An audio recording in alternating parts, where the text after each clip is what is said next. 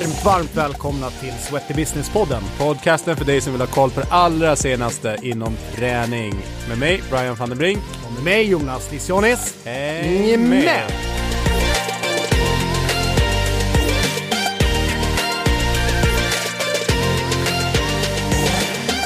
Wow, wow, wow, hörni. Välkomna tillbaks till uh, Sweaty Business-podden. Uh, vi har hunnit fram till avsnitt 12 utav den här fjärde säsongen utav podden. Innan vi drar igång med dagens gäst så tänkte jag bara påminna om att vi har en inspirationsresa, inspirations och nätverksresa till Los Angeles och San Diego. Den går av stapeln i mars, 17 till 21 mars. Det blir tre dagar i Los Angeles och sen har vi två dagar ish i San Diego. Så att vi ska besöka en massa trän innovativa träningsstudios. Vi ska besöka sportcenter. Vi kommer träffa topptränare och vi ska till en ny fantastisk anläggning som jobbar med en holistisk approach på en helt annan nivå. Så att exklusiv tillgång till en massa eh, spännande koncept och sen i San Diego kommer vi även kika på lite koncept men också ta del av Ursa-mässan som är den amerikanska kontinentens största branschmässa med utställningar och föreläsningar och så vidare. Så, vidare. så att in och kolla på sweaterbusiness.se och klicka på menyfliken events så ligger all information där. Så att skynda på, vi har några platser kvar men det kommer nog bli fullbokat. Men eh, idag är det dags att prata om yoga ur en massa olika perspektiv och eh, dagens gäst Frida Starvid, välkommen! Tack så mycket! Hur är läget? Ja, men det är bra! Ja, Härligt! Jag eh, har upptäckt Frida och hennes eh, varumärke då som heter Fure Studios eh, här under hösten via en kollega till dig som eh, mejlade mig angående ett event som var på Grand Hotel. Eh, så det var så jag kom i kontakt och sen hade vi, käkade vi en lunch mm. och eh, då berättade du en väldigt för mig fascinerande historia om hur du liksom hittade in i yogavärlden och sen det som då blev eh, varumärket. Så jag tänkte att vi skulle prata lite grann kring det, eller egentligen kretsa hela samtalet kring det. Mm. Kanon, men eh, vår intro är ju alltid med att lära känna gästen, så att fullständigt namn? Frida Starvid. Yes, eh, uppväxt? Eh, Nyköping, Nacka och eh, resor utomlands som jag tycker har eh, givit mig mer i vad heter det, utveckling och uppfostran. Ja, ja mm. men det är bra. De flesta går ju oftast till liksom uppväxtåren men man ja. växer ju hela tiden egentligen ja. om man tänker så. Ja men intressant. Mm. Och din bakgrund inom träningsbranschen, hur hittade du in? Eh, men när jag var yngre så tränade jag mycket. Jag dansade på ganska hög nivå och eh, spelade handboll under många år. Och sen så när jag var kanske 16 års åldern så eh, slutade jag äta av olika anledningar. Och fick då liksom träningsförbud. Typ. Mm. Så att jag var tvungen att skala bort det, eh, vilket jag må, mådde ännu sämre av tyckte jag själv. Men så är det ju, träning kan ju gå till överdrift också. Eh, men sen under typ tio år så var det väl att jag typ inte tränade så mycket alls. Jag reste och liksom höll på med andra saker och utbildade mig och eh, såg mig nog inte som en träningsperson riktigt sådär. Eh, tills jag faktiskt då så hittade in i yogan och nu förstår jag ju att jag verkligen är en träningsperson. jag mår jättedåligt om jag inte får röra på mig liksom.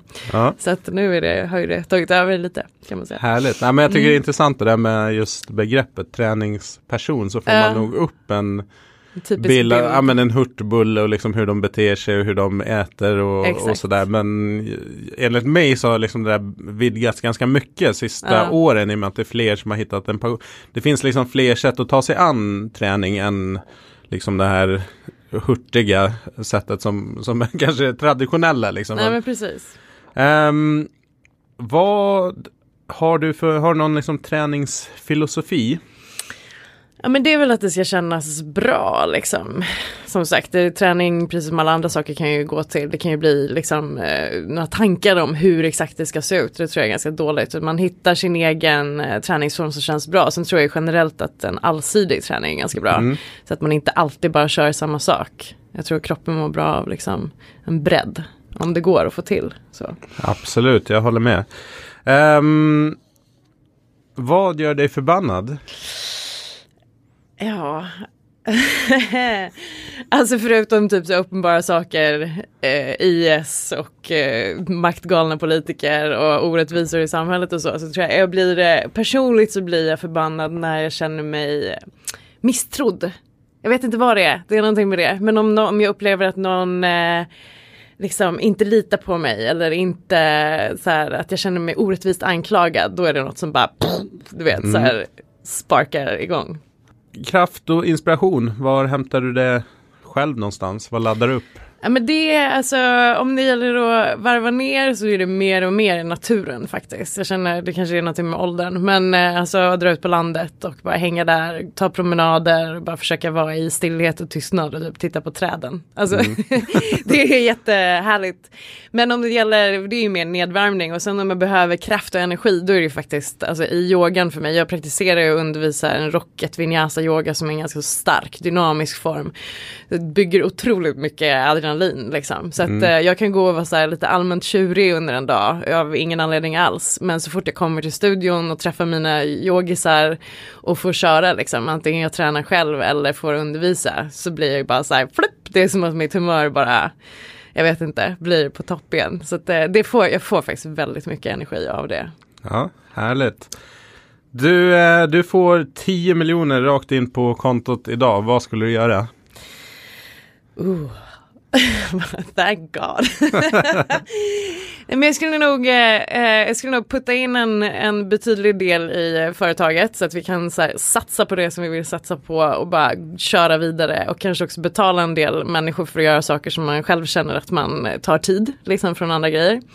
Sen skulle jag ju köpa ett tomt och bygga ett hus Mm. och sen spara lite till resor.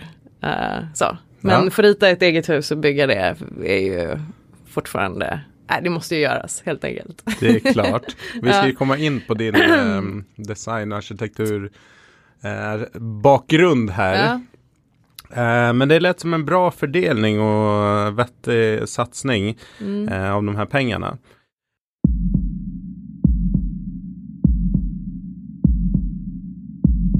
Eh, Vi glider in på huvuddelen av vår eh, podcast här och den handlar ju om, eh, om dig, om eh, hur du hittar yogan och om eh, Fure Studio. Så att vi börjar med dig.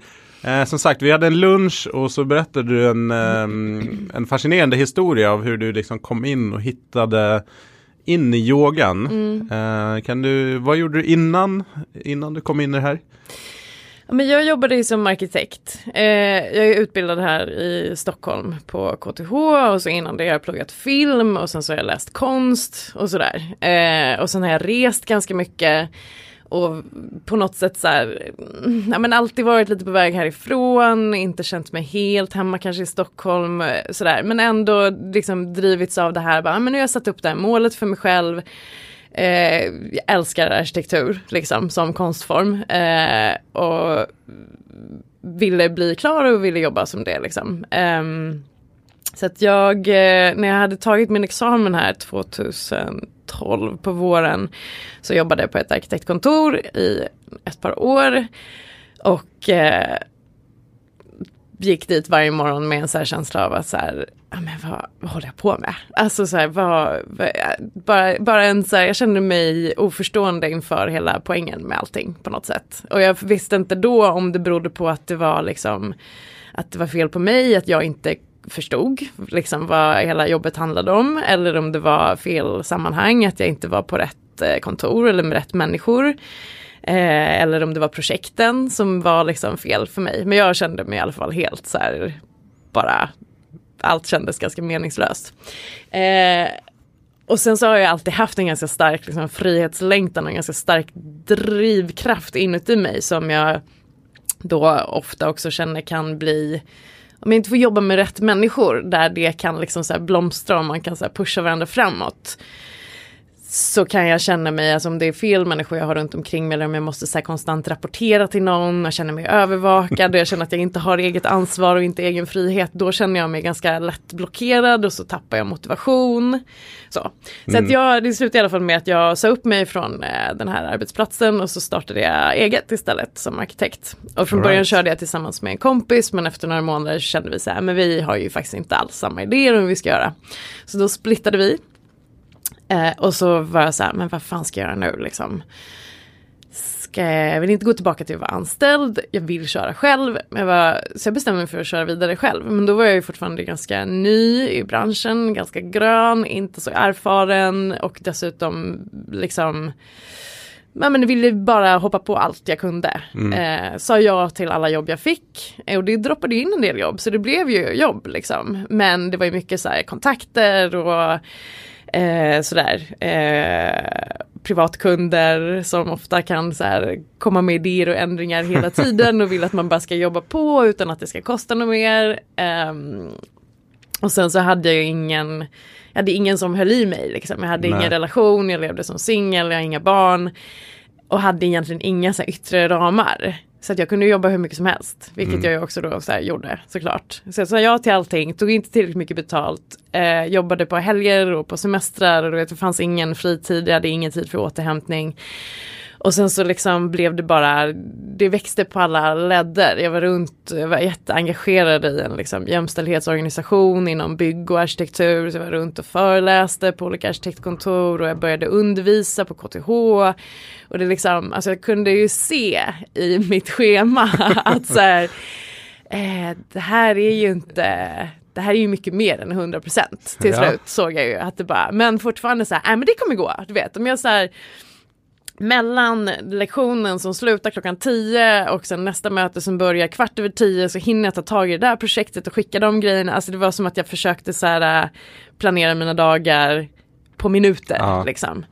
Eh, och sen så började ju så småningom liksom de här äh, utmattningssymptomen krypa på. Det började med att jag inte kunde sova.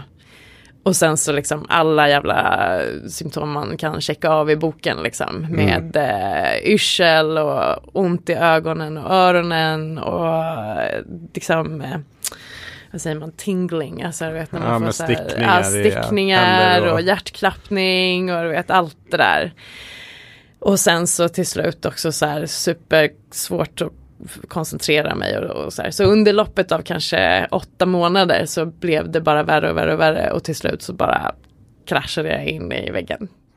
Jäklar alltså. Ja. Alltså det var, ja, mm, Nej, men det är nog lätt hänt också som soloentreprenör att man ska pussla ihop en vardag. Det kan jag känna Ja. själv som är liksom mångsysslare också. Ja. Att totalen för mig är ju också mer än hundra men den är definitivt under kontroll. Det är inte, Ja. inte så att jag behöver planera varje, varje sekund. Sen har jag också blivit bättre på, på kanske också alltså, så- sortera Ja. eh, bort grejer som inte kanske ger så mycket värde men exakt. tar mycket tid Ja. gärna. Ehm, så ja men eh, att också just känslan av att allt hänger på en som person. Ja man, men exakt. Ja. För om man plockar bort Frida ur den då faller ju alla projekten. Ja, men precis. Det, det är ju i sig också en stor stress. Och sen, ja men precis, och att man själv inte har en förmåga heller att så här, eh, sätta gränsen mellan sig själv och det man gör. Utan det är så här komplett identifikation med Mm. det man gör. Liksom. Att man sätter allt sitt egenvärde i det. Liksom. Så att, eh, ja. Nej men så då, då eh, brände jag ut mig helt enkelt och sen så eh, ah, pysslade lite med olika saker, svårt att, svårt att sitta still även om jag hade bränt ut mig och borde bara vara still. Så då gick jag en, en eh, postgrad-kurs på Mejan på Kungliga Konsthögskolan. Mm. Det sa min doktor att jag fick göra. Och sen så efter ett tag så drog jag till Indien. Right. Eh, och eh, var borta i Asien i fyra månader. De första typ tre veckorna så hängde jag på ett ashram. Eh, och då hade jag yogat lite till och från. Liksom. Eh, under ett par år. Men verkligen ganska så här, sporadiskt. Eh, så jag hade ingen sån här där consistent practice Nej. liksom. Men då när jag kom till det här uh, ashramet, då var det ju liksom väckning halv sex på morgonen, meditation två gånger om dagen, yoga två gånger om dagen, en väldigt strikt, liksom disciplinerad, stark hatta-yoga. Ehm, och sen dessutom alla de här, så här filosofibitarna kring liksom yogan och så här. Eh, så det var väldigt bra för mig att bara komma bort. Och där började jag så här så småningom, vilket jag tror var otroligt bra för mig som är så här, tror att jag ska bestämma allting själv. ja. Vilket jag så här gillar att göra. Men när, man, när jag hade dragit mig själv över gränsen, då tror jag att det här, den här extrema rutinen som finns där var jäkligt hjälpsamt liksom. Att jag behövde inte tänka, det var bara att flyta med i det här schemat. Vilket gjorde att jag så småningom liksom fick ordning på sömnen och på mathållningen och på träningen. Och jag så kunde sluta ta mina sömntabletter och liksom ja, men bara kände så här under den här perioden att jag blev starkare och starkare. Liksom. Från att ha var, så här, varit helt ja, men fysiskt och psykiskt urlakad till mm. att man känner att så här, kraften börjar komma tillbaka. Liksom. Eh, så då, och då när jag började göra yoga också så här, ja, men varenda dag eh, så, så kände jag att så här, men det här kan ju jag. du vet, så här, nej, jag dansat när jag var yngre, så här, det var inga problem för mig att så här, hitta in i liksom, eh, eh, kroppsspråket eller hitta positionerna liksom eh, och sådär. Eh, så jag kände att det utvecklades ganska fort och det blir man ju alltid peppad av. Såklart. Såklart. men det är det. Nej men plus att eh, det kommer vi också komma in lite på sen men alltså det som gör yogan Alltså om någon hade sagt till mig så här, du ska gå ut och springa fyra gånger i veckan, så tror jag inte att det hade varit rätt typ av träning för mig. Nej. Liksom. Eh, men det som gör att yogan tror jag blir så här, tillgänglig på ett annat sätt är ju för att du, om du inte är närvarande mentalt på något sätt. Alltså om du inte är närvarande i din andning och i din kropp och att du har ett så här mycket mer medvetet fokus och en fullständig närvaro. Så gör du inte yoga, då gör du något annat liksom. Mm. Alltså, så att jag tror att det är också eh, att den fysiska delen av yogan eh, gör ju något med sinnet, eller vad man ska säga. Så jag tror att den liksom, träningsformen var en bra form för mig att komma tillbaka och, så här, och då som så här, hitta tillbaka in i, i träningen också, den fysiska aktiviteten. Liksom. Mm. Eh, för det syr ju ihop hela paketet. Distansen också, jag tror det var väldigt bra för mig att kunna lämna liksom Sverige på något sätt. För att eh, då under första tiden när jag var utomlands så hade jag fortfarande ganska som, jag kände mig väldigt eh, så här, jävligt besviken på mig själv. För att jag hade då så här misslyckats mm. inom situationstecken. Eh, men med tiden när jag hade fått lite distans till det så kände jag ju bara till slut så här, men fan, jag behöver inte jag behöver inte gå tillbaka till arkitekturen överhuvudtaget om jag inte vill. Vem bryr sig? Mm. Alltså, Eh, men det var ju, det var ju en liksom insikt som var tvungen att så här, ja, men, verka fram lite.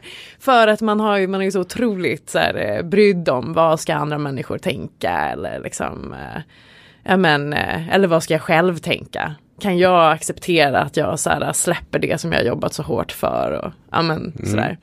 Nej men och det där tror jag också är en jättevanlig grej att man, man är ett med sin yrkesroll eller ja. sin, sin profession att det blir och det är ju rätt den är rätt farlig för att vad som helst kan ju hända egentligen och så blir mm. du separerad kanske från din, din roll för sparken mm. eller liksom måste göra en förändring. Mm. Vem är man då mm. eh, helt plötsligt och den kan jag nog kanske se en del i träningsbranschen liksom att högpresterande tränare eller PTs eller liknande men så separerar du det, vem är du liksom vid sidan av yrkesrollen egentligen?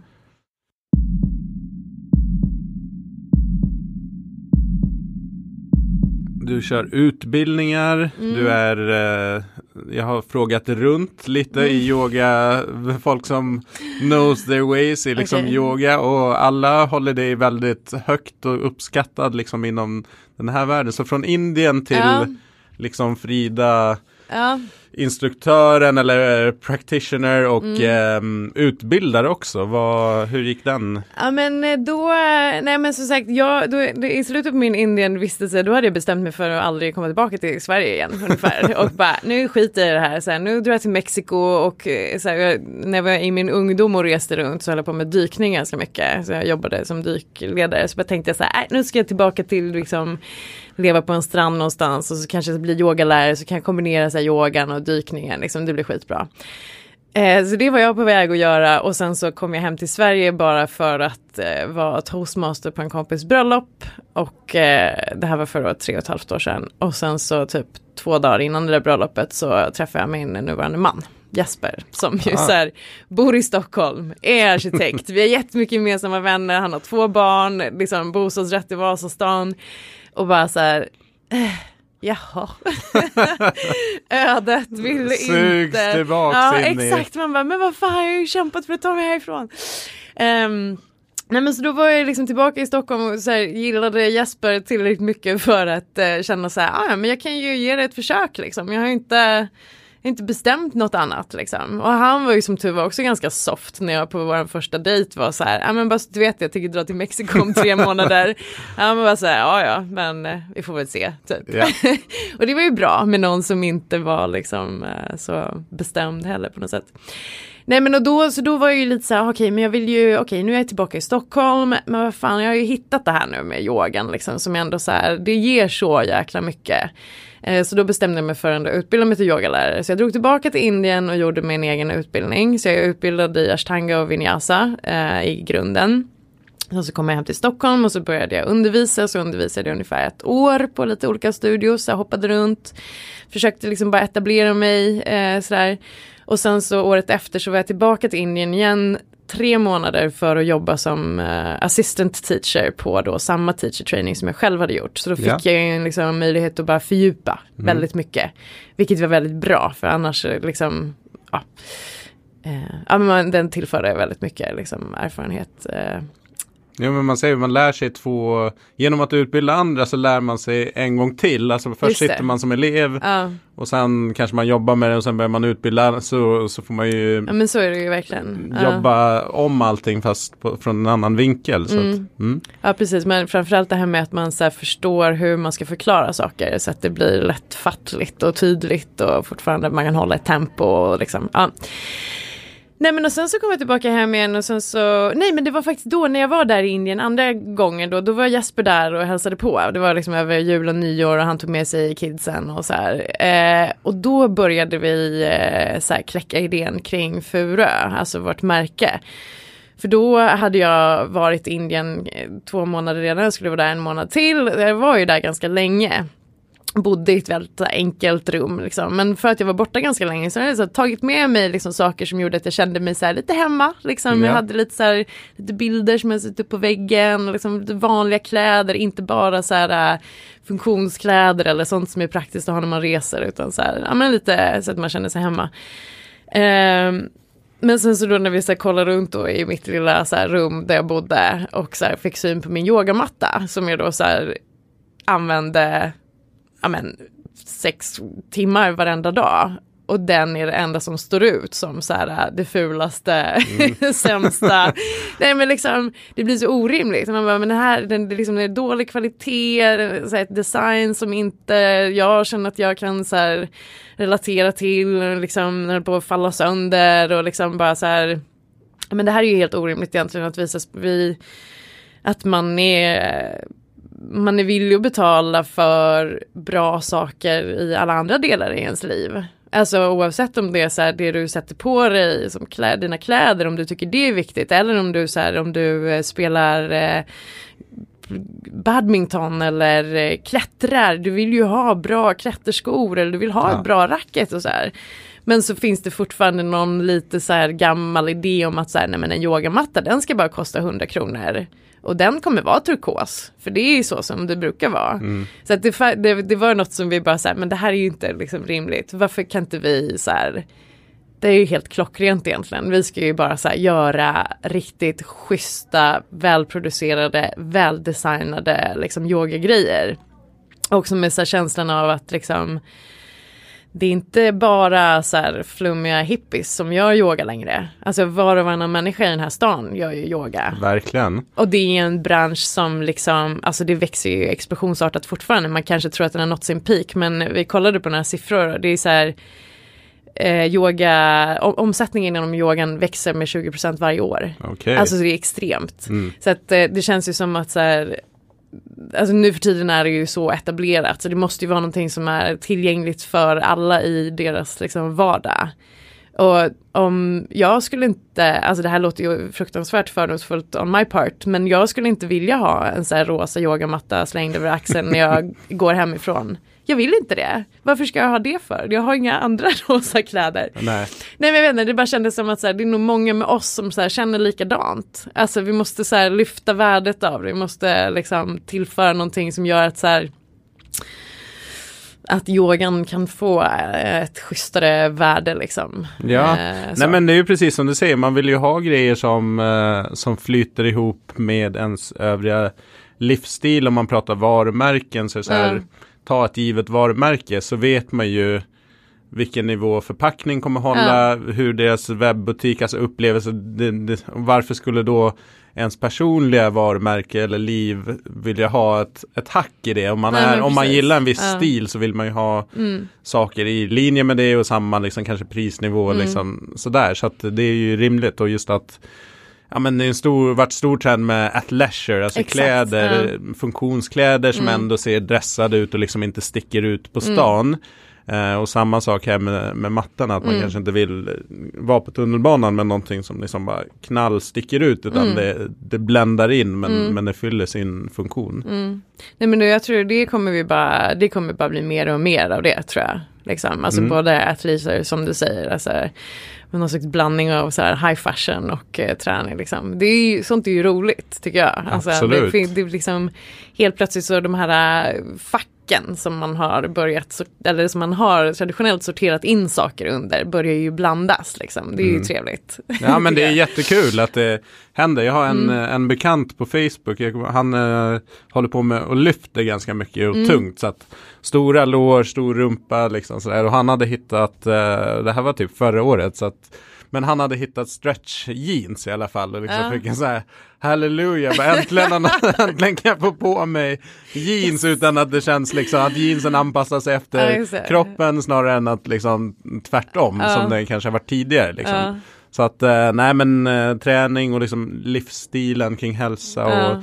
det formar ju extremt mycket annat. Jag menar, Ja. Vi har eh, gymkedjan Equinox i USA som har startat ett helt hotellkoncept som Mm. är baserat på rörelse och aktivitet och Mm.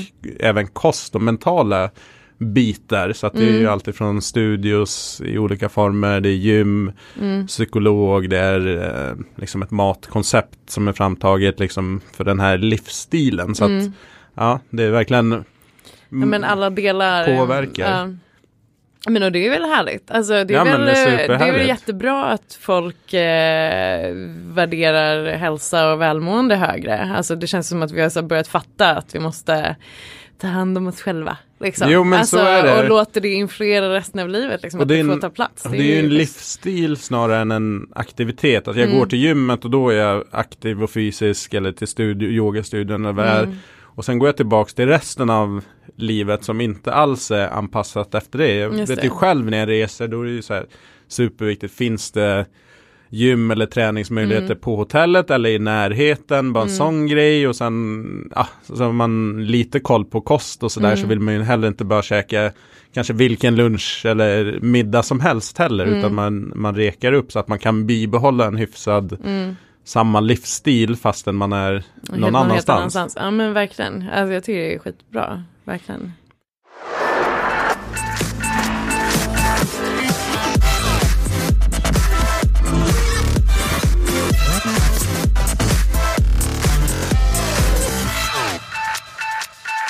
Välkomna tillbaks till Casall Casal Business Hacks. Eh, podden i podden där du får smarta tips och eh, inspiration kring träning och business. Så med mig har jag igen eh, Stuart Lasell, Sales Manager på Casal Pro Matrix. Välkommen! Hej bra. Hur är läget? Det är fint, det är bra. Toppen, toppen. Du, eh, Sweater Business har från start handlat ganska mycket om trendspaningar och liksom titta framåt och utåt vad som händer och inte så mycket kanske här och nu. Så dagens ämne är eh, extra intressant för mig för att eh, vi ska prata om ett gym 2030. Hur ser det ut och vad, hur funkar det? Vad har du för tankar? Ja, många tankar. Det är en million dollar question. Men jag, vi, vi försöker i alla fall titta lite närmare på hur framtiden kommer att se ut när det gäller från vår leverantörssidan. Då. Dels vis maskinparken och utvecklingen som kommer men sen vill vi helst såklart ha en bra idé av hur, hur det kommer att bli. Och, och då, då kan man undra verkligen, eh, precis om tio års tid, vad, hur ser det ut ett gym då? Och min tanken är att det blir väldigt mycket lite mer fria ytor eh, blir det väl. Um, mer uh, öppet ytor. Um, mer zoner in på gymmet så man har ett konditionsdel och väldigt mer tydligt fördelning på gymmet kan man säga. Mm. Um, uh, mer luft i, på anläggningen helt enkelt. Um, sen tror jag det kommer bli betydligt fler koncept på gym eh, än som idag. Eh, delsvis kanske små gruppträning, blir mer gruppträning ut på gymmet. Ehm, eh, men eh, i, i, om, om man säger vad som kommer kanske passa eh, hela tiden och kommer fortfarande vara en del av eh, framtiden i just 2030 det är personalen fortfarande. För det, det är upplevelser som man kan få som kund från sin instruktör eller från sin PT. Så jag tror inte man kommer bort därifrån men uh, som sagt fler koncept, mer yta och uh, skapa fler möjligheter för att ge en upplevelse till sina kunder. Mm. Ja men det är bra. Vad tänker du kring digitalisering? Det är så stort, stort ord men eh, tio år fram i tiden så, så kommer det ha hänt en massa inom, inom allting egentligen. Hur tror du det digitala kommer möta upp liksom gym? Vi ser ju början till, till, till det. Ja. Men eh, vad tror du? Uh, men, jag ser också igen där betydligt, eller, det kommer bli betydligt fler folk som är uppkopplade till sin app. Träningsresultat, de vill gärna se uh, vad som händer och uh, där, där kommer det bli viktigt att anläggningen har någon typ av lösning som idag är det väldigt från våra kunder och de kunder som vi träffar i alla fall är väldigt blandat hur många har kommit in i den världen med digitalisering och hur, hur ja, både med app och maskiner och, och olika lösningar. Um, leverantörer, om vi säger Matrix eller övriga stora märken, de har redan tagit fram många av de här bitarna för sina maskiner ja. och utrustning. Så det är bara en fråga hur, hur snabbt uh, det blir som en standard med att folk har den bara för att det, ska, det måste finnas. Ja. Folk förväntar sig det. Um. Nej men det är ju early, early days än så länge. Men man ser ju att alla tar steg eh, ja. mot det här. Och ja, det digitala blir en naturlig del utav mm. vardagen i, i träningen. Ja men verkligen. verkligen. Mm. Bra, ja men då, då ska vi hålla utkik. Stort tack. Tack, tack.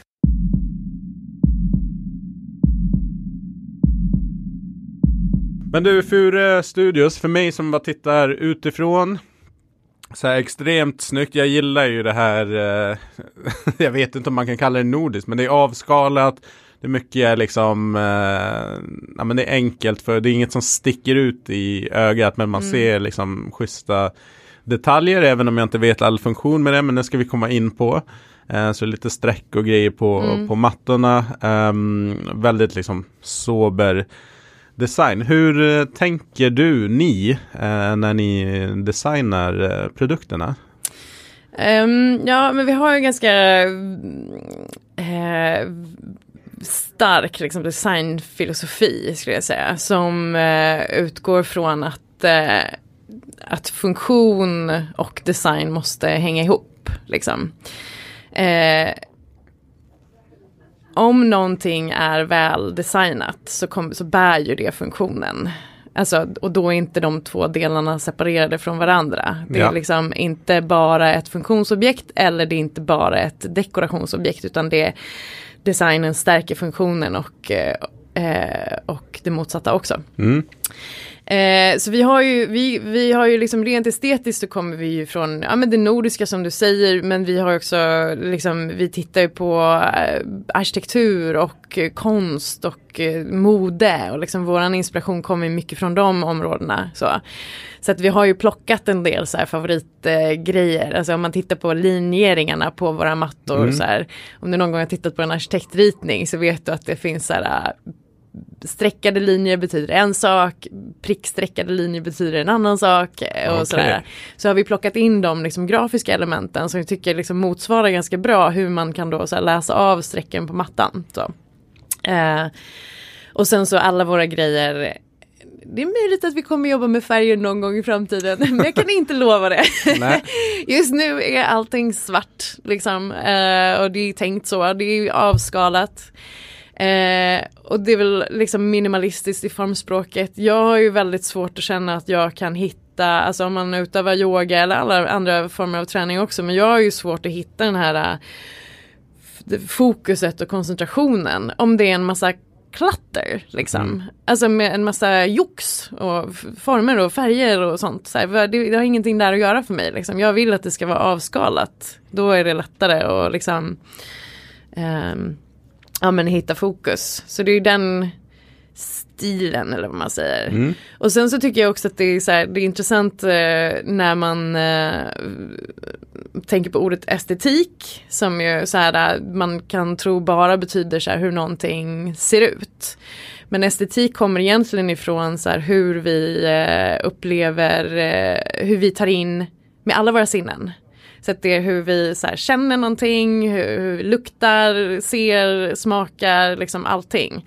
Så att, och jag tror att där lämnar vi ju liksom estetiken eh, det ytliga och blir faktiskt någonting som så här, som eh, förstärker vår upplevelse av tillvaron runt omkring oss eller av miljön runt omkring oss. Och det är så ser vi ju på liksom var, varje produkt individuellt ska eh, uppgradera eller hjälpa till eller förstärka din fysiska interaktion med verkligheten eller med omgivningen. Det kanske låter lite flummigt men om du står, alltså ett väldigt praktiskt exempel, om du mm. står på en yogamatta som är liksom lite så här, lite Eh, glidig. Ja, det har vi eh, alla varit med om. Ja, det har vi alla varit med mm. om. Den, den, kanske glider runt på golvet så att om du så här, går fram och tillbaka på den så liksom håller den på rör på sig.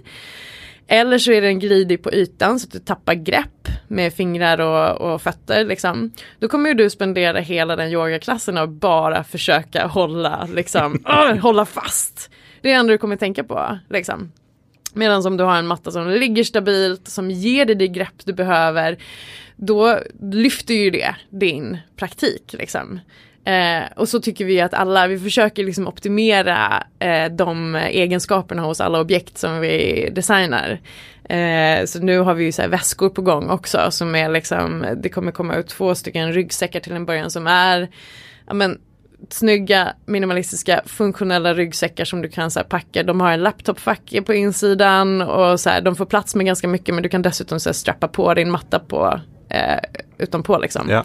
Så de kan ta ganska mycket vikt men då gäller det ju att, så här, att eh, axelbanden som är väl, alltså är faktiskt sitter på exakt rätt avstånd från varandra och att det är rätt avstånd från det, den övre sömmen till den nedre sömmen.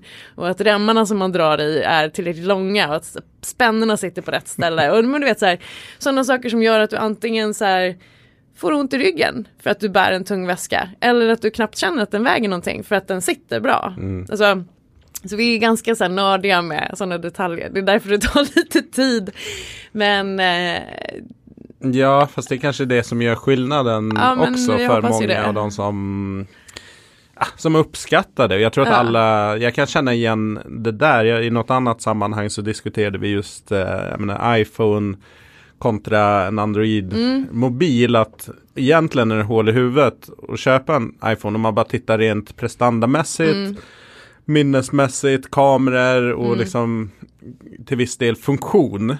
Men upplevelsen, liksom, det du kanske är inne på med estetik, alltså att allt mm. det funkar jäkligt smidigt om yep. man är inne i ekosystemet. Så att mm. då spelar det ingen roll om jag kan få en ännu lite vassare kamera för att Just totalen det. blir bättre. För mig i alla fall. Sen är det ju många andra som kanske tycker tvärtom. Men men eh, kanske till de som undrar varför folk lägger pengar på ett visst telefonmärke. Nej, så, så är det ju den typen av saker som ja. jag kanske relaterar till det du berättar om liksom mattan, Nej, mattan och, och, väskan. Också. Jag kommer ihåg när jag switchade från, eh, eller över till eh, Mac.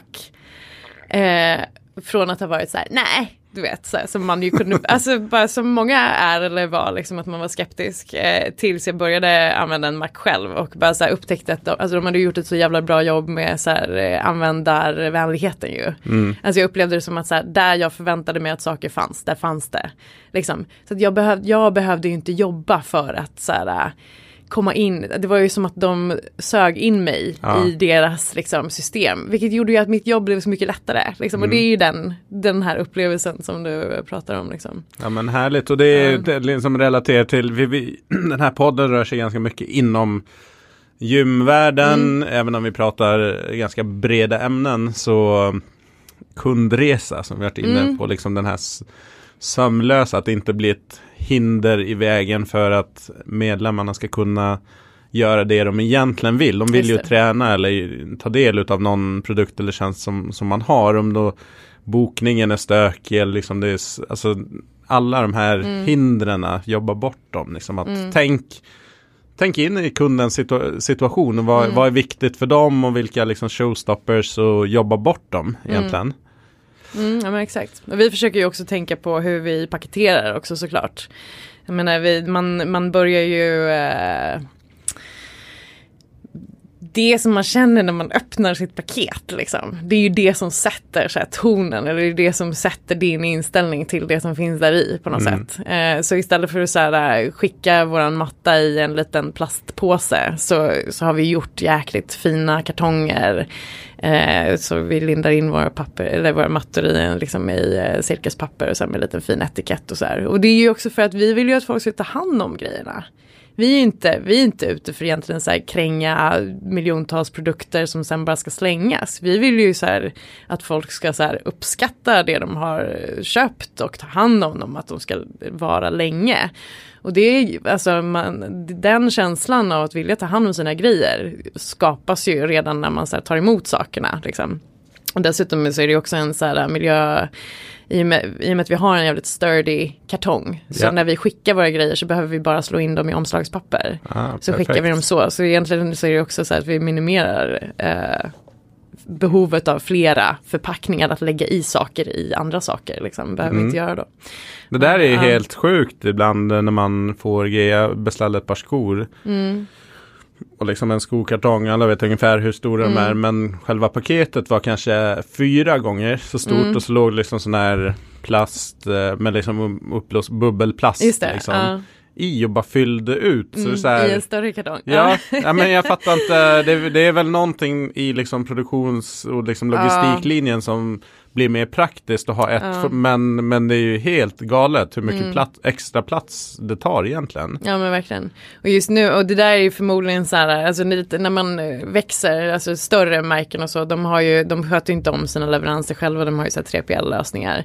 Och då har det ju säkert med att göra att de som sköter deras leveranser inte vill eh, riskera att deras paket blir liksom, eller den inre förpackningen blir skadad på något sätt, för då kommer väl de bli stämda. Eller inte jag. Men, Ja. men i alla fall, så det är ju de som, men vi är ju så små, så att vi paketerar ju allting själva och kan så här, titta på liksom, hur ser det ut och hur ska vi göra för att det ska bli schysst och nu inför jul, så här, kan vi göra något extra med paketeringen då? Så här, det är väldigt, eh, ja, vi är fortfarande väldigt så här, hands-on, liksom. vilket är ganska kul. Vem är eh, liksom den typiska um, Fure-kunden idag om du får skissa upp någon bild? Ja, men jag tror vi har, eh, det har jag ju märkt nu sen vi liksom har eh, lanserat, att det finns ju liksom lite två, lite två personer kan man säga. Först och främst så är det både män och kvinnor. Mm. 50-50 skulle jag säga. Vi, vi, jobbar väl, vi jobbar bara med liksom könsneutrala grejer. Det finns ingen, eh, finns ingen anledning att hålla på och könsspecificera. Eh, nej men dels så tror jag att det är, alltså jag, mina yogis gillar våra mattor liksom. Och då är det yogamänniskor som eh, ofta håller på med ganska dynamiska yogaformer. Så ashtanga eller vinyasa eller strong flow eller rocket eller eh, jiva mukti. Det finns massor med olika sorter.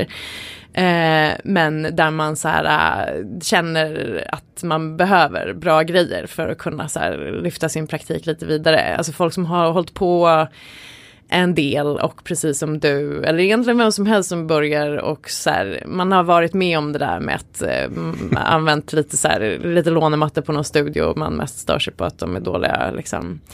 Eh, så om man kallar den personen för liksom mm, ambitiösa yogis eller så, som vill ha kvalitetsgrejer.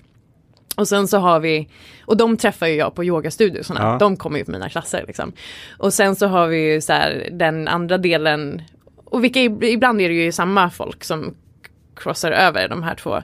Men den andra sorten då som där, man lättare kan identifiera dem som så här men lite sådana människor som kanske jag och min man är. Eller våra kompisar. Att vi inte primärt ser oss själva som så här yogis eller träningsmänniskor som vi pratade innan. Det kanske inte är det första epitetet man sätter på sig själv utan man kanske snarare är så här, ah, men jag är fotograf. Eller jag är, jobbar som grafisk formgivare.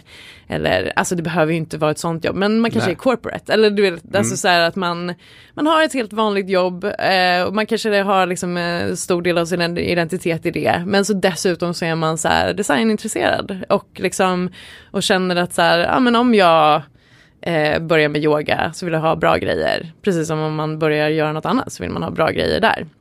Så jag tycker det är lite roligt när det som blir när vi, jobb, när vi har jobbat med liksom, utvecklingen av märket så är det ju så här den fotograf som vi jobbar med nu som tar våra bilder, Magnus Klackenstam, han är modefotograf, han är skitbra liksom. Han jobbar med ja, men, svinschyssta märken och sånt. yeah. liksom. Men han hakade ju på och jobba med oss för att han bara, äntligen! Mm. Jag yogar två gånger i veckan, har gjort det jättelänge, men jag bara känner så här, det finns ingenting där ute för mig och så här finally så kommer så här någon så, och, och liksom gör det här som jag vill ha. Och han är ju på något sätt så här typexemplet för det liksom. Han, om du såg honom på stan skulle du inte tro att han var en så här yogamänniska, men det är han liksom. Men han bara råkar vara andra saker också. Så att eh, Ja, ja, det blir en lång utläggning. Nej, men, men det är liksom, intressant att, liksom, äh, att veta. Ja. Du, eh, när du tittar på, för ni har gjort en massa research såklart eh, innan, och liksom se, hur ser landskapet ut? Liksom. Men när du tittar på träningsbranschen generellt ja. liksom kring kring design och färger och liksom så här. Vad, vad ser, jag ser här på ditt minspel att du inte är jätteimponerad men, ja, men, men dina tankar liksom kring, kring generellt. Uh, ja, nej men det är väl att eh, det där är att eh, det klassiska formspråket på hur träningskläder liksom ska se ut kanske fortfarande dominerar. Sen, det, det, som vi pratade om, det håller ju på att förändras. Tycker jag. Men vi ser ju inte att det finns något annat märke som egentligen har lagt sig där vi är. Vilket vi hoppas på är en bra grej. Sen ja. kanske det tar ett tag för folk att så här, ah, haja grejen liksom, eller lära känna oss. Men det är så får det ju vara. Men vi är inte Casall liksom.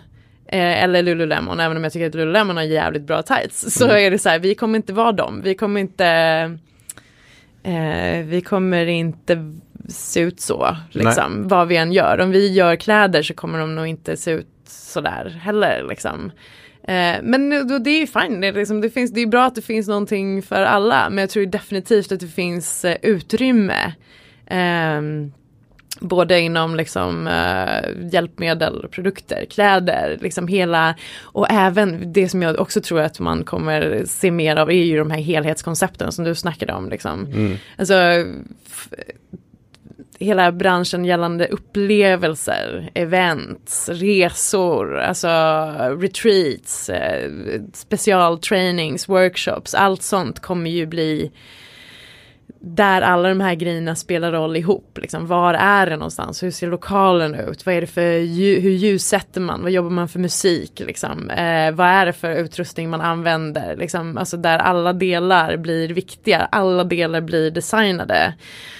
Och sen kan man ju tycka att det kan bli lite så Alltså det, jag känner när jag pratar om det att det kan ju låta ganska krystat kanske om det blir liksom för, jag vet inte, alltså det, jag, jag, jag, vill bara säga att jag tror att det är viktigt att hålla med sig också att så här, du kan bara ta en yogamatta under armen och gå ut på baksidan av ja. huset och yoga också. Alltså den delen måste ju också finnas. Det behöver inte vara så jäkla komplicerat men om man pratar om så här vad, vart, vart vi är på väg någonstans så tror jag att de här helhetsupplevelserna kommer bli eh, ännu fler och bättre och större och folk kommer fortsätta vilja betala för upplevelsen. För mm. skapa minnen på ett annat sätt också. Ja men det tror jag. Vi mm. i den här podden pratar mycket om liksom olika träningsstudios i alla möjliga former. Där ja. är ju verkligen en gemensam grej, liksom upplevelsen i centrum. Så att det är ju mm.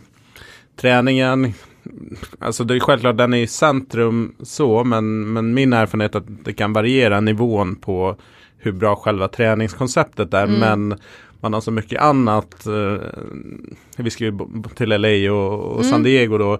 Och liksom, där är det också spännande så här, hur de jobbar med dofter, belysning, Mm. eh, materialval som, som man inte ser. Jag ser inte det på samma sätt i Skandinavien utan det är ganska vi är funktionella, allt ska ha en, en bra funktion Mm. och sen ser det liksom, vi har en hyfsat liksom bra sinne för att det ser Ja. okej ut men det är inte Ja, frågar en italienare så, så kanske de inte är så här jätteimpressed över alltid någonting. Jag har jobbat i ett, på Technogym som är italienskt och där Ja. kanske de de tycker när vi pratar om, om ställen i Sverige som, som, som ligger på kanske en, en nivå över Mm. andra när det kommer till just de här grejerna så tycker de att ja, men det är okej men, Kom igen nu.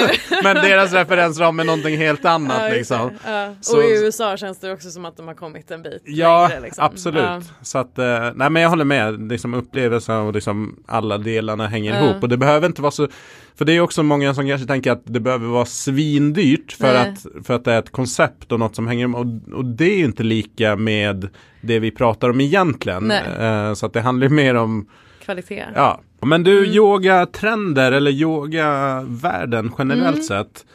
Jag, ehm, som de flesta andra, liksom kom in och har testat yoga i med de stora träningskedjorna och de Mm.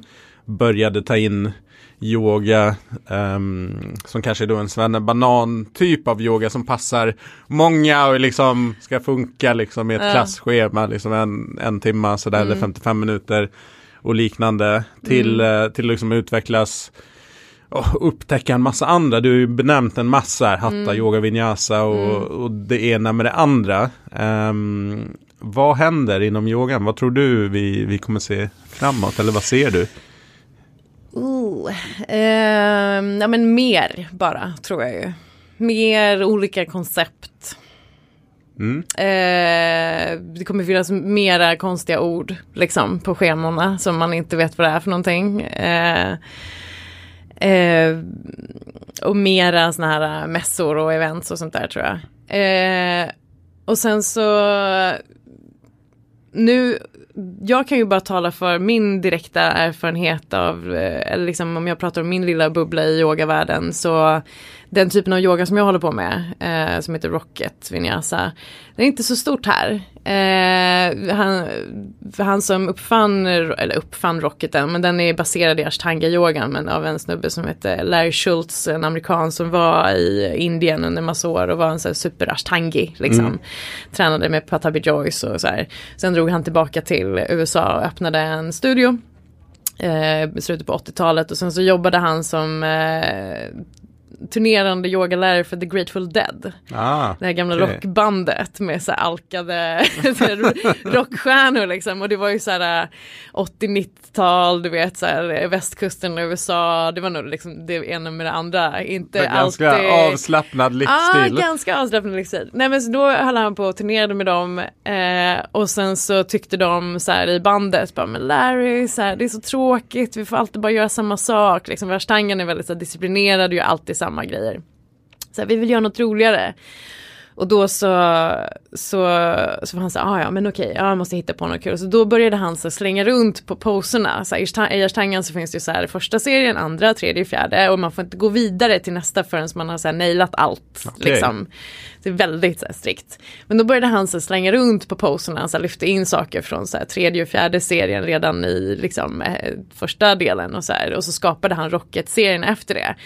Så Rocket är liksom eh, men redan första gången du går på Rocket så kommer du få göra armbalanser och inversioner, alltså upp och nervända poser. Det finns ju inte bara skulderstående och huvudstående men också underarmsbalans, pincha majorasana, det är handstående, det är jättemycket sådana här roliga grejer. Men det är ganska opretentiöst, alltså det är ganska lekfullt. Liksom. Larry Schultz eh, mantra var ju så här, relax, breathe and go with the flow. Alltså det säger ganska mycket om så här, inställningen. Så även om du pushar dig själv som, alltså, så mycket du kan så är det fortfarande för att det ska vara kul. Liksom. Och eh, det jag skulle komma till var att Rocket är ganska stort i London och i USA och i andra delar. Och nu tycker jag att det börjar kännas som att, rock, eller alltså att det börjar bli lite mera poppis här också. Vilket är Ja. jättekul. Så att det, det är både, liksom jag har ett gäng kompisar som också, så här, jag har skickat dem till samma Rocket-utbildning som jag har gått på. För att eh, jag vill ju också kunna gå på bra klasser här hemma. Eller hur? Nej men så nu är är vi liksom ett gäng som håller på med det här. Det känns, det är så kul för att det, vi får ganska mycket folk som kommer och bara, fan vad härligt att eh, ja, men äntligen gå på någon klass där det bara så här, ni bara kör. Alltså, bara kör. Det är inte, vi liksom, alla är välkomna, men vi kommer inte stanna upp och så här eh, lugnt prata igenom allting. Så här, vi är ute efter så här, flöde och värme och styrka och att det ska vara roligt. Det ska inte gå långsamt. Det är verkligen motsatsen till så här eh, sitta och blunda och bara andas. Liksom. Mm. Och jag, det låter som min typ av Ja men exakt, jag, du får ju komma. exakt. men alltså för folk som, just som har en, så här, en, eh, en förutfattad idé om vad yoga är för någonting. Kom till Rocket och så här, mm. jag lovar att jag ska motbevisa. ja men är inte det också en eh, liksom framgångsgrej för yoga? Som ett samlingsbegrepp, liksom att det, det finns så många förgreningar ja, och det utvecklas i takt med tiden lite vad som är ja, vad som är aktuellt och mm. dels kanske geografiskt i vissa områden mm. är mer intressant med en viss typ av grej men att liksom förnyar sig mm. hela tiden. Ja, men absolut och, och att det betyder att alla kan hitta sin, eh, sin grej. Mm. Liksom. Ja, men verkligen.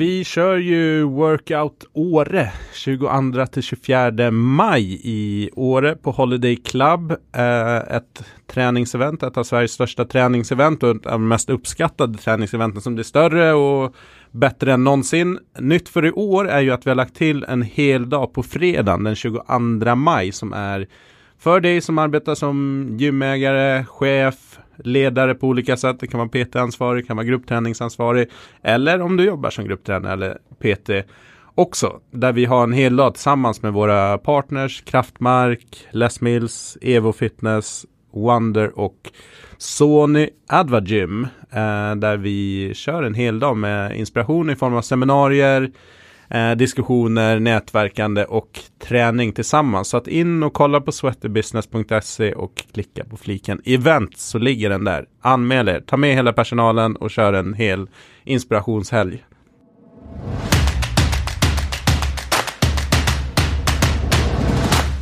Vi glider vidare in ja. i våra sex sista snabba frågor innan vi avslutar för dagen. Yes.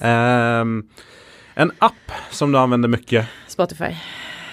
Lyssnar Jämt. på musik? Jämt. Ja. Mm. en podd som du eh, lyssnar på eller som du kan eh, tipsa om, alternativt en bok? Uh, jag kan tipsa om en podd som heter uh, Radiolab. Så inte alls träningsrelaterat med två amerikanska journalister som pratar om alltid spännande grejer. Radiolab, bara kolla upp den. Ja, det är bra. bra. Ett projekt som har blivit lyckat som du är stolt över? Eh, ja men eh, när jag fortfarande jobbade som arkitekt så gjorde jag en tävling tillsammans med en kompis och vi kom tvåa. Och det var så här typexemplet på ett projekt där du skiter i de regler som blir uppställda och bara gör din tolkning av det. Och vi hade så jäkla kul när vi gjorde det och det så här blev belönat. Roligt. Mm. Eh, något som kanske inte har gått så bra. Sådär. Ja. Kanske mer en lärdom. ja men ett annat då på den andra flanken också som arkitekt gjorde en utställning tillsammans med ett gäng andra arkitekter som så här, någon satt i Finland, någon satt i liksom ja men någon annan i Sverige. Alltså det var ett gäng som skulle försöka jobba tillsammans och eh, där jag tror att så här, problemet för mig var att jag bara gjorde det för pengarna. Okay. Eh, och så här, vi hade så olika idéer om hur det skulle se ut till slut. Och det var jättesvårt logistiskt med allting. Vi tyckte bara olika hela tiden. Eh, där som jag känner nu att här, hade det här hänt nu så hade jag hoppat av efter två veckor. För jag hade känt det från början. Liksom. Mm. Men där drev jag igenom det och jag tyckte att det var så jobbigt när det var klart. För jag bara så här, det här kan jag inte stå för.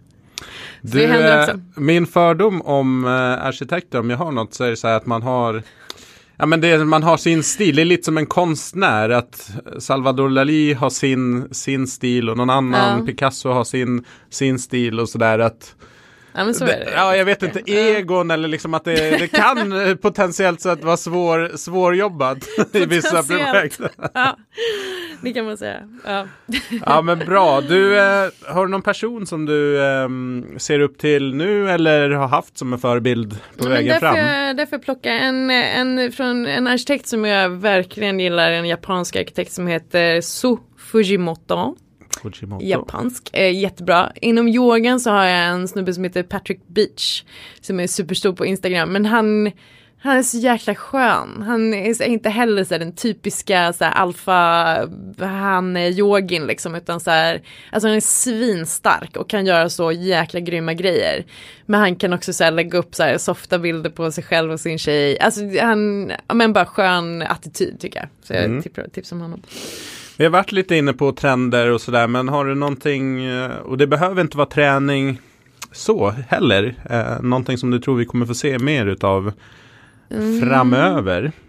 Alltså, ja men det är, jag har ju sagt en hel del. Något som jag tycker är problematiskt och intressant att följa med är ju hela den här eh, liksom influencer, sociala medier, bla bla bla.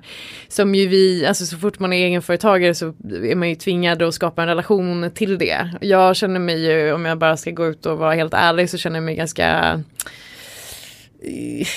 jag är inte jätteförtjust i så här, hela influencervärlden. Nej. Liksom. Eh, jag skulle själv ha svårt att så här, känna någon autenticitet om jag upplever till exempel att någon pratar för någonting som inte känns genuint. Mm. Mm, Men så jag und undrar hur det kommer ta, hur det kommer gå. Vi, det är, både, alltså, folk jobbar ju svin mycket med stora influencers men nu har ju hela mikroinfluencer-grejen kommit. Jag undrar om det kommer bli flera sådana liksom små alternativa vägar eh, genom. Eh, alltså jag tror jättemycket på att bygga relationer liksom. Eh, så jag hoppas att den vägen kommer bli eh, eh, gångbar. Men eh, det blir intressant att se. Ja, någonstans måste ju pendeln svänga tillbaka från de här gigantiska influencer liksom, eh, strömmarna. Men jag vet inte, Ja. får, vi får se. Nej, jag tror, eh, vi har varit inne på äkta aut- autenticitet Ja.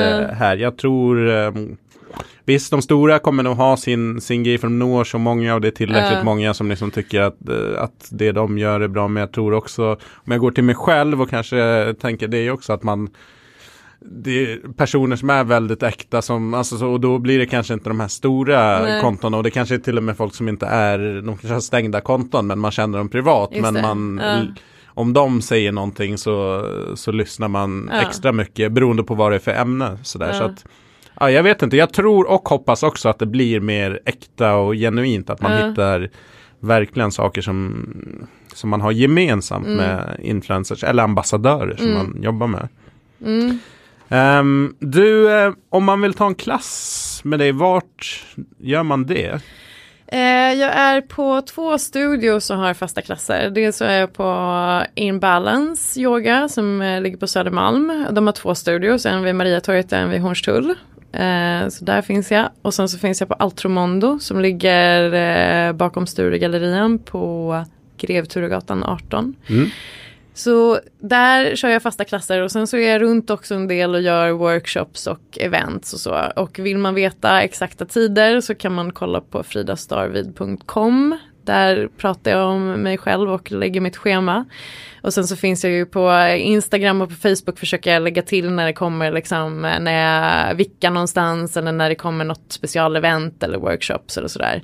Och vi kör ju också med Furo Studios så kör vi något som vi kallar för Furo Sessions som det här på Grand Hotel var liksom. Så det kommer det bli mer av också. Vi, vi gillar ju att göra, göra stora saker och eh, köra människor. Bra. Du, avslutningsfrågan som Mm. Ja. har blivit en eh, snackis i den här podden. Det är vilken sång är du slash representerar dig? Oj, det här känner man ju att man vill veta vad alla andra har sagt. eh, nej men eh, jag funderade faktiskt på det här. Det är jättesvårt. Det finns ju så sjukt mycket bra musik. Eh, jag kommer ta en låt som folk kommer bara, men vad är det här för någonting? Säkert. Men det är en brasiliansk eh, artist som heter Claudia. Det är lätt att söka på. Jag har hängt mycket i Brasilien. Jag har mitt Ja. andra hem där. Eh, och hon gjorde en låt som heter Mais de Trinta som betyder mer än 30. Alltså Mais de Trinta. Och den, den är sjukt peppig. Alltså det är en så här festlåt, alltså det är mycket så energi framåt. Och bara, wow! alltså man blir så jäkla glad av den. Men om man, lä- om man kan eh, portugisiska och lyssnar på texten och tar reda på vad den handlar om så är det en, eh, en politisk eh, resistance-sång. Alltså Okej. den handlar om så här korrupta politiker som man inte ska lita på. Så här. Men det är ju ett annat lager som man kan så här, grotta in sig i med deras, alltså Brasiliens politiska historia så här, som är intressant. Men lyssna på låten, den bara så här för att bli peppad. Den känner jag då. Ja eftersom jag men gillar den. härligt, ja men det här är en bra, eh, Ja. för att det blir, eh, vi har haft allt ifrån eh, popkultur till, eh, ja men mer så här smalare låtar. Så att det här Ja. blir jättekul att Vad lyssna på någonting låt? annat. Min låt? Ja, Oj oj oj oj. Alltså jag gillar ju eh, melankolisk. Jag gillar ju jättemycket eh, typ Kent, Coldplay Ah. och nu skrattar alla bara ah, mellanmjölkslåtar. Men eh, jag vet inte, melankolisk eh, så här med härliga melodier. Så att eh, Fix You med Ah. Coldplay är ju fantastisk. Den är Den är med i en barnfilm som jag kollar med min dotter som heter Snömannen. Mhm, ehm, mm. tror jag. Och då, där har de med en variant av den i filmen som blev Okej. otroligt snyggt gjort. Så Ja. jag väljer den låten. ja, men det är fint. Ja men du Ja, Frida, ja, mm. stort tack för att du ställde upp här. Ja, men tack själv, jättekul.